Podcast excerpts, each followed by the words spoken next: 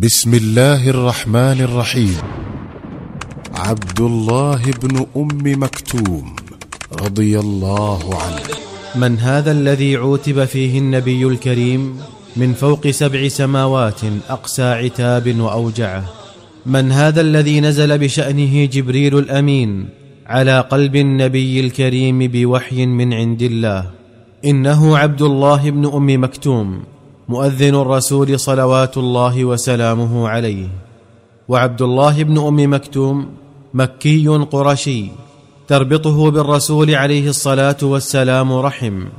فقد كان ابن خال أم المؤمنين خديجة بنت خويلد رضي الله عنها. أما أبوه فقيس بن زائد. وأما أمه فعاتكة بنت عبد الله. وقد دعيت بأم مكتوم لأنها ولدته أعمى مكتوما. شهد عبد الله بن أم مكتوم مطلع النور في مكة فشرح الله صدره للإيمان وكان من السابقين إلى الإسلام. عاش ابن أم مكتوم محنة المسلمين في مكة بكل ما حفلت به من تضحية وثبات وصمود وفداء. وعانى من أذى قريش ما عاناه أصحابه وبلى من بطشهم وقسوتهم ما بلوه فما لانت له قناة ولا فترت له حماسة ولا ضعف له إيمان. وإنما زاده ذلك استمساكا بدين الله وتعلقا بكتاب الله وتفقها بشرع الله واقبالا على الرسول صلوات الله وسلامه عليه. وقد بلغ من إقباله على النبي الكريم وحرصه على حفظ القرآن العظيم أنه كان لا يترك فرصة إلا اغتنمها ولا سانحة إلا ابتدرها بل كان إلحاحه على ذلك يغريه أحيانا بأن يأخذ نصيبه من الرسول ونصيب غيره. وقد كان الرسول صلوات الله وسلامه عليه في هذه الفترة كثير التصدي لسادات قريش شديد الحرص على إسلامهم.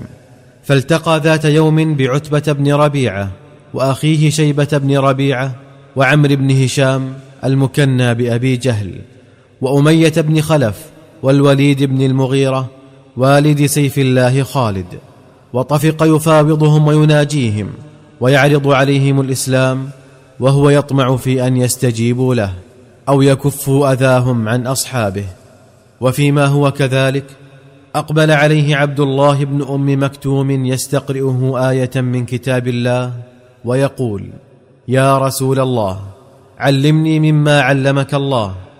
فأعرض الرسول الكريم عنه وعبس في وجهه وتولى نحو أولئك النفر من قريش وأقبل عليهم املا في أن يسلموا فيكون في إسلامهم عز لدين الله وتأييد لدعوة رسوله.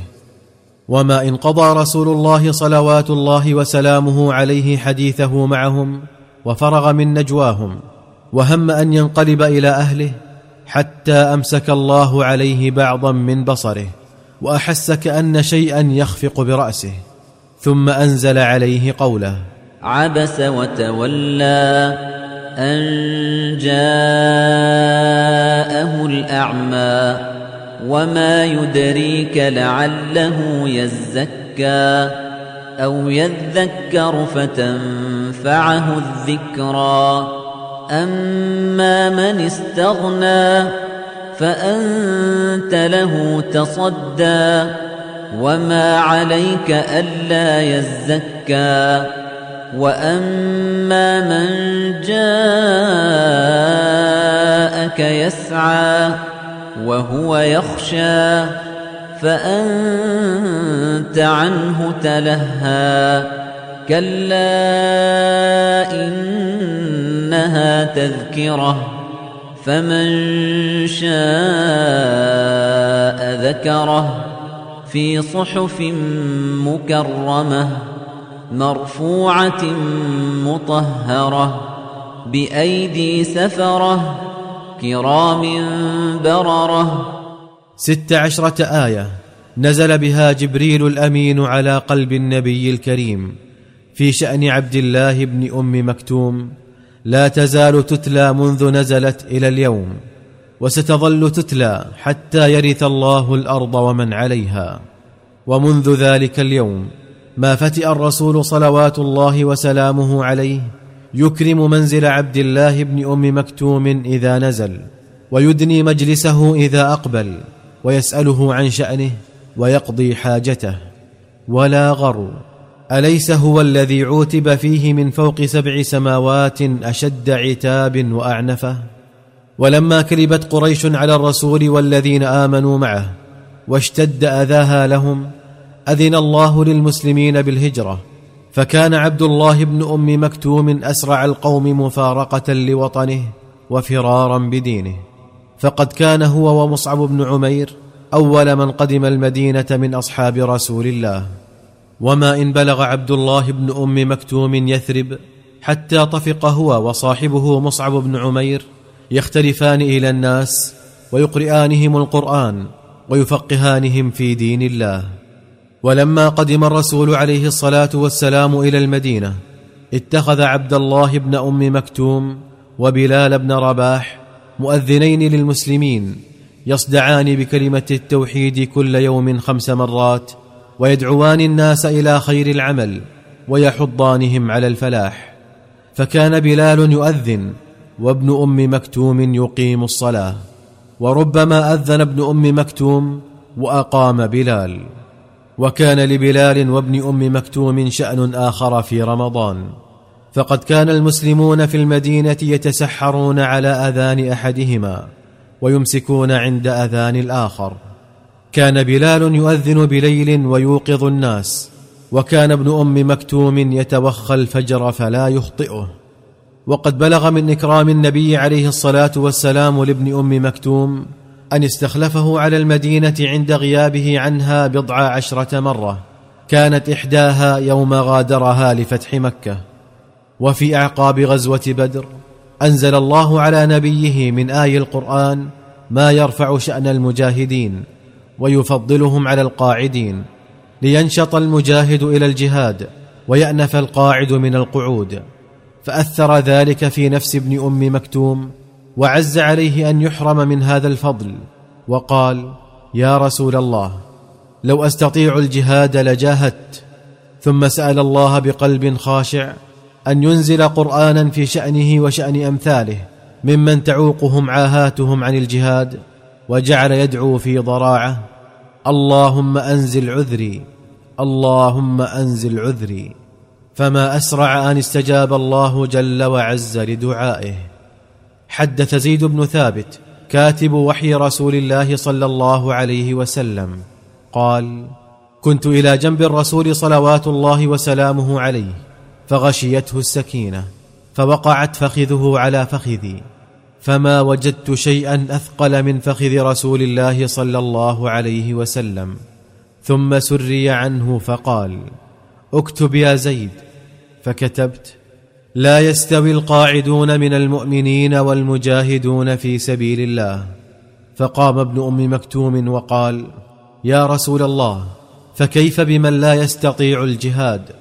فمن قضى كلامه حتى غشيت رسول الله صلى الله عليه وسلم السكينة فوقعت فخذه على فخذي فوجدت من ثقلها ما وجدته في المرة الأولى ثم سري عنه فقال اقرأ ما كتبته يا زيد.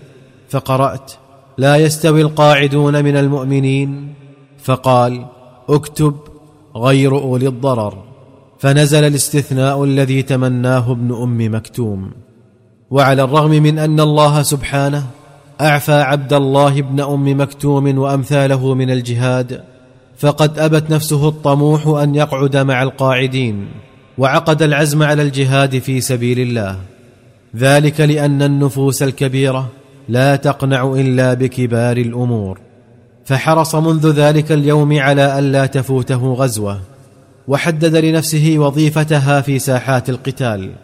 فكان يقول أقيموني بين الصفين وحملوني اللواء أحمله لكم وأحفظه فأنا أعمى لا أستطيع الفرار. وفي السنة الرابعة عشرة للهجرة عقد عمر بن الخطاب العزم على أن يخوض مع الفرس معركة فاصلة. تديل دولتهم وتزيل ملكهم وتفتح الطريق أمام جيوش المسلمين. فكتب إلى عماله يقول لا تدعوا احدا له سلاح أو فرس أو نجدة أو رأي إلا وجهتموه إلي والعجل العجل. وطفقت جموع المسلمين تلبي نداء الفاروق. وتنهال على المدينة من كل حدب وصوب وكان في جملة هؤلاء المجاهد المكفوف البصر عبد الله بن أم مكتوم. فأمر الفاروق على الجيش الكبير سعد بن أبي وقاص وأوصاه وودعه. ولما بلغ الجيش القادسية برز عبد الله بن أم مكتوم لابسا درعه مستكملا عدته وندب نفسه لحمل راية المسلمين والحفاظ عليها أو الموت دونها. والتقى الجمعان في أيام ثلاثة قاسية عابسة. واحترب الفريقان حربا لم يشهد لها تاريخ الفتوح مثيلا. حتى انجلى اليوم الثالث عن نصر مؤزر للمسلمين. فدالت دولة من أعظم الدول وزال عرش من أعرق العروش. ورفعت راية التوحيد في أرض الوثنية. وكان ثمن هذا النصر المبين مئات الشهداء. وكان بين هؤلاء الشهداء عبد الله بن أم مكتوم. فقد وجد صريعا مضرجا بدمائه وهو يعانق راية المسلمين. رجل أعمى. انزل الله في شأنه ست عشرة آية تليت وستظل تتلى ما كر الجديدان. المفسرون.